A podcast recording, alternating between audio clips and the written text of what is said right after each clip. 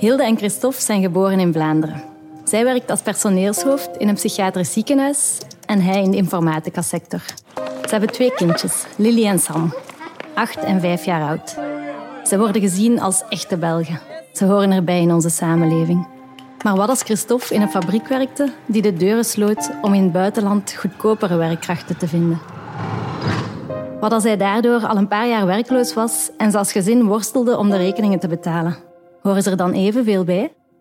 Of wat als Hilde geen Hilde was, maar Michael? En Michael en Christophe als homoseksueel koppel de twee kindjes opvoeden? Of wat als Hilde Fatana heette? Zijn hoofddoek droeg en thuis een andere taal dan het Nederlands sprak met haar kindjes. Horen ze er dan evenveel bij? En jij, hoor jij erbij in ons land? En hoe weet je dat eigenlijk? Vind jij dat je erbij hoort in ons land? Vanuit het Vlaams parlement. Dit is de Universiteit van Vlaanderen. Misschien heb je die vraag nog nooit echt gesteld, of je er hierbij hoort. En is het misschien even zoeken naar een antwoord. Of misschien dacht je aan een antwoord als ik hoor erbij hier omdat ik hier geboren en getogen ben. Of omdat er Belg op mijn identiteitskaart staat. Of ik hoor erbij omdat ik bijdraag aan de samenleving. Ik betaal belastingen of ik doe vrijwilligerswerk. Dat zijn allemaal mogelijke redenen. Maar heb je het eigenlijk wel zelf in de hand of je ergens bij hoort? Ergens bij horen kan je niet alleen doen. Dat is iets dat tussen mensen gebeurt.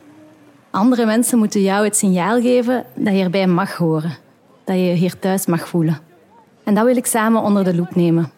Welke signalen hebben wij nodig van andere mensen en van de maatschappij om er echt bij te kunnen horen?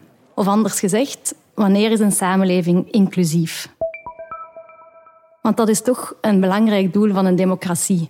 Dat iedereen deel kan zijn van de samenleving, een stem heeft en mee mag participeren. We weten allemaal wat niet inclusief is. Als onze samenleving systematisch bepaalde groepen beschouwt als buitenstaanders of als marginaal omwille van hun politieke mening, hun geaardheid, hun opleidingsniveau of fysieke beperkingen, ja, dan zijn we niet inclusief. Maar wanneer is een samenleving dan wel inclusief? Die term inclusie klinkt misschien een beetje wollig of utopisch. Je denkt misschien aan Samson en Gert. Samen delen. Of K3, hand in hand, oog in oog, alle kleuren van de regenboog. Maar er bestaat wel degelijk ook wetenschap over. Ik ben onderzoeker in de sociale psychologie. En in de sociale psychologie bestuderen we de mens als groepswezen. We gaan dus niet naar de psychologie van één persoon apart kijken, maar naar het belang van relaties tussen mensen. En naar hoe mensen met elkaar omgaan in een groep of groepen onderling met elkaar omgaan. En vanuit die sociale psychologie is er ook onderzoek gedaan naar wat een groep of een samenleving moet doen om inclusief te zijn. En dit onderzoek toont aan dat er twee belangrijke componenten zijn voor inclusie: erbij horen en authenticiteit. Dus laat ons eerst kijken naar die eerste voorwaarde: erbij horen. Dat betekent dat iedereen het gevoel mag hebben erbij te horen of zich thuis te voelen. En dat zit hem in verschillende grote en kleine signalen. Wat je rond je ziet en hoort is belangrijk. Dat als je op straat rondloopt, je mensen ziet die eruit zien zoals jij. Maar zeker niet alleen op straat. Ook in de hogere rangen van bedrijven, in de media en in de politiek. Zijn er daar mensen zoals jij? We moeten nog over artikel 8 stemmen. En het zit hem ook in gesprekken. Als mensen over wij en ons spreken, bedoelen ze jou daar dan ook mee? Of spreken ze dan van wij en jullie? Een voorbeeld is mensen met een kleur die hier geboren en getogen zijn, die heel vaak de vraag krijgen waar ze vandaan komen. Dat kan goed bedoeld zijn, maar het signaleert al snel dat zij blijkbaar niet gezien worden als deel van die wij. Erbij horen zit ook in je directe sociale omgeving. Heb jij een netwerk van mensen, buren, vrienden, familie, collega's die om jou geven en die het belangrijk vinden dat het goed gaat met jou en daar moeite voor willen doen? Maar het zit hem zeker niet enkel in die jarenlange diepe connecties. Het gaat ook evenveel over oppervlakkige contacten met mensen die je toevallig ontmoet. Iemand die naar jou glimlacht als je die kruist op straat. Of een kort gesprekje met de winkelier aan de kassa, al is het maar over het weer. Goedemorgen, bakker. Goedemorgen. Amai, bakker. Vuil brood van zich, joh. Want is hier een bakkerij. Dat soort microcontacten zijn een heel belangrijk sociaal weefsel in onze maatschappij die een signaal geven dat mensen er mogen bijhoren. Het ziet er een proper brood uit, bakker. Ik ben heel content van u. En het belang daarvan is misschien ook wel duidelijker geworden tijdens de coronalockdowns, waar we onze vrienden en familie niet meer vaak mochten zien, maar waar we onze buren beter gingen leren kennen, op de stoep of over de haag een gesprekje. Ah, yes. Kom eens hier, zeg. Ze zijn hier van... Of waar onze enige sociale contacten misschien een kort babbeltje waren met iemand die we tegenkwamen op wandeling. Hallo, mevrouw. Dus die eerste voorwaarde van erbij horen is een heel belangrijke voor ons mensen. Net omdat wij sociale wezens zijn. Iedereen herinnert zich nog wel een moment dat hij er niet mocht bij horen. Dat hij uitgesloten werd. Op school, in een vriendengroep of op het werk. Dat zijn ervaringen die ons vaak nog jaren later bijblijven, net omdat ze zo pijnlijk zijn. En je mag dat pijnlijk zijn zelfs vrij letterlijk nemen. Want onderzoek toont aan dat onze hersenen dezelfde regio's actief hebben wanneer wij uitgesloten worden als wanneer wij fysieke pijn hebben. Bijvoorbeeld als we ons stoten aan iets of ons verbranden. Dus er niet mogen bijhoren heeft vergaande gevolgen voor ons, voor onze mentale en onze fysieke gezondheid. Eenzaamheid en uitgesloten worden blijken zelfs even ongezond als andere doodsoorzaken zoals roken of obesitas. Dus erbij horen is een heel belangrijke eerste component van inclusie. Maar om van een echt inclusieve samenleving te kunnen spreken, moeten we ook voldoen aan die tweede component, die van authenticiteit. En wat die component aangeeft, is dat je erbij mag horen als jezelf. Dus dat je jouw authentieke zelf mag zijn, zonder dat je delen van jezelf moet verbergen of veranderen.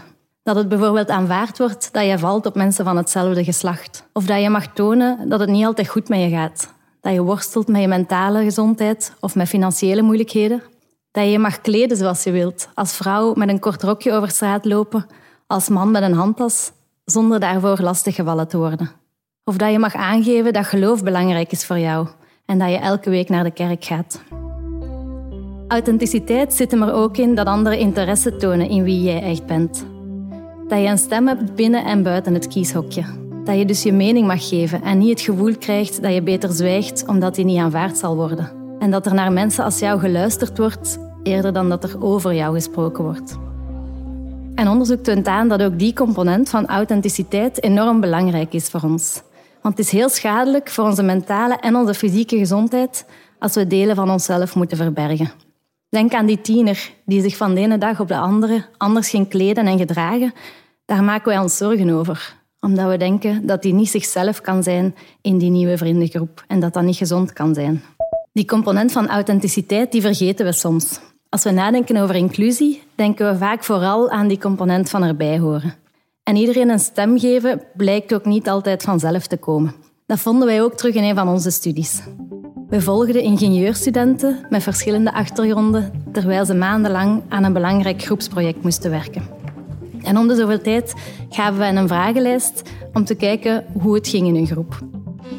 Wat we zagen was dat die studenten wel over de tijd, naarmate ze samenwerkten, relaties gingen bouwen, banden gingen smeden en dus werken aan die component van erbij horen. Maar dat betekende nog niet dat elk groepslid ook een stem kreeg. Niet iedereen zijn inbreng werd gewaardeerd. En dat is iets dat iedereen wel al eens meegemaakt heeft. Dat je op een vergadering zit en een suggestie doet, maar dat daar niet naar geluisterd wordt. En even later zegt die persoon naast jou misschien iets heel gelijkaardig en daar wordt wel op ingegaan. Ja, dan heb je niet het gevoel dat jouw inbreng gewaardeerd wordt. Nochtans is daar een heel simpele oplossing voor. Als je in een vergadering iedereen zijn stem wilt horen en niet enkel die van de hardste roepers, maak er dan een gewoonte van om een rondje te doen. Ga één voor één iedereen aan tafel af en vraag hun input. En zo kom je misschien te weten dat die introverte persoon of die persoon die altijd onderbroken wordt, eigenlijk heel waardevolle ideeën heeft. Een ander mooi voorbeeldje van hoe je als organisatie kan werken aan die authenticiteit is een ervaring die een zwarte studente mij onlangs vertelde. Dat ze emotioneel geworden was toen ze tijdens een van haar lessen op een slide een foto van een zwarte hulpverlener zag. Na al die voorbeelden van witte personen gaf die ene foto haar het signaal dat zij erbij mocht horen als zichzelf. En dat ook zij die hulpverlener kon worden. Dus als organisatie ervoor zorgen dat de mensen in jouw bedrijf, maar zeker ook in jouw communicatie, een correcte weerspiegeling zijn van onze maatschappij, kan een heel duidelijk signaal geven dat mensen hun authentieke zelf mogen zijn. Een inclusieve samenleving moet er dus voor zorgen dat iedereen het gevoel kan hebben erbij te horen en authentiek te mogen zijn.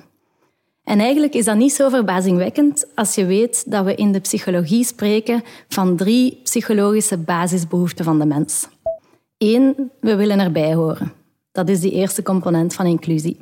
En twee, autonomie.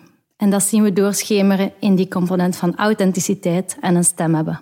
Om inclusief te zijn, moet een samenleving dus eigenlijk ons helpen om aan die twee basisbehoeften te voldoen. Nu, ik zei drie psychologische behoeften, dus wat is die derde dan? Wel, de derde behoefte is die van competentie. We willen het gevoel hebben dat we ergens goed in zijn. Dat we kunnen presteren, dat we iets kunnen bereiken. Denk aan het kindje dat een paar centimeter lijkt te groeien als het hoort dat het mooi kan tekenen. Of aan die volwassene die heel veel voldoening haalt uit iets goed doen op het werk. Het goede nieuws is dat werken aan inclusie ook kan helpen voor die derde basisbehoefte, die van competentie. Want wij presteren beter in een inclusieve omgeving. Op school bijvoorbeeld is het gevoel erbij te horen en jezelf kunnen zijn een belangrijke voorwaarde om te kunnen leren en presteren. En elke leerkracht of ouder weet dat natuurlijk. Je kan nog zoveel druk leggen op dat leren en studeren, maar bij een leerling die zich niet goed voelt, wordt dat moeilijk. In ons onderzoek vonden we dat ook terug. Wij onderzochten hoe scholen omgaan met culturele diversiteit. Daarvoor hebben we hun schoolmissies en hun schoolreglementen geanalyseerd. Daarnaast bevroegen wij ook meer dan 3000 leerlingen in die scholen over hoe zij zich voelden op school en welke punten ze haalden. We vonden dat er enerzijds scholen waren die enkel inspeelden op die eerste component van inclusie, erbij horen. Dat waren de scholen die bijvoorbeeld in hun beleid zeiden: jij hoort erbij en jouw culturele achtergrond die negeren wij. Die is niet relevant voor ons. Of jij hoort erbij als jij jouw achtergrond verbergt. Wel, in die scholen vonden we dat de leerlingen met een migratieachtergrond zich minder thuis voelden en ook minder goede punten haalden. Anderzijds had je de scholen die inspeelden op de twee componenten van inclusie. Zij hadden bijvoorbeeld een beleid dat aangaf: je hoort erbij zoals je bent en we willen dus meer weten over jouw culturele achtergrond. En in die scholen voelden alle leerlingen zich thuis en dat zorgde ook voor betere punten. Hetzelfde is ook al teruggevonden op de werkvloer. Verschillende studies tonen daar ook dat als je werkt aan een inclusief klimaat in je bedrijf, dat je werknemers beter gaan presteren. Een mooi voorbeeldje daarvan vind ik het politieuniform in het Verenigd Koninkrijk. De Sikh die een tulband dragen omwille van hun religie, die krijgen daar als politieman een tulband met het politielogo op. Dat is een signaal van erbij horen en er mogen bij horen als jezelf. En op sommige plaatsen doen ze daar nu ook hetzelfde met een hoofddoek voor moslimpolitievrouwen. Zo kan je als bedrijf inclusief zijn en zorgen dat mensen beter presteren. En je kan misschien ook nieuwe werkkrachten aantrekken. Ook kan je vernieuwing stimuleren want als jij als bedrijf aangeeft dat iedereen in hetzelfde plaatje moet passen en dat nieuwe stemmen niet gewaardeerd worden, dan ga je niet snel tot innovatie komen. Conclusie. Of jij het gevoel hebt dat je erbij hoort, en of Fatana, Michael, Sam, Lily, Christophe en Hilde er mogen bijhoren, zal afhangen van hoe inclusief onze samenleving is. En om iedereen mee te hebben en te kunnen verwachten dat mensen participeren en presteren, moeten we zorgen dat mensen het gevoel hebben dat ze erbij horen en hun authentieke zelf mogen zijn. En daar kunnen we op alle niveaus aan werken. Politici, de media, bedrijven en scholen. En ook jij kan dat in je dagelijkse contacten. Door bijvoorbeeld te glimlachen naar de volgende persoon die je op straat tegenkomt.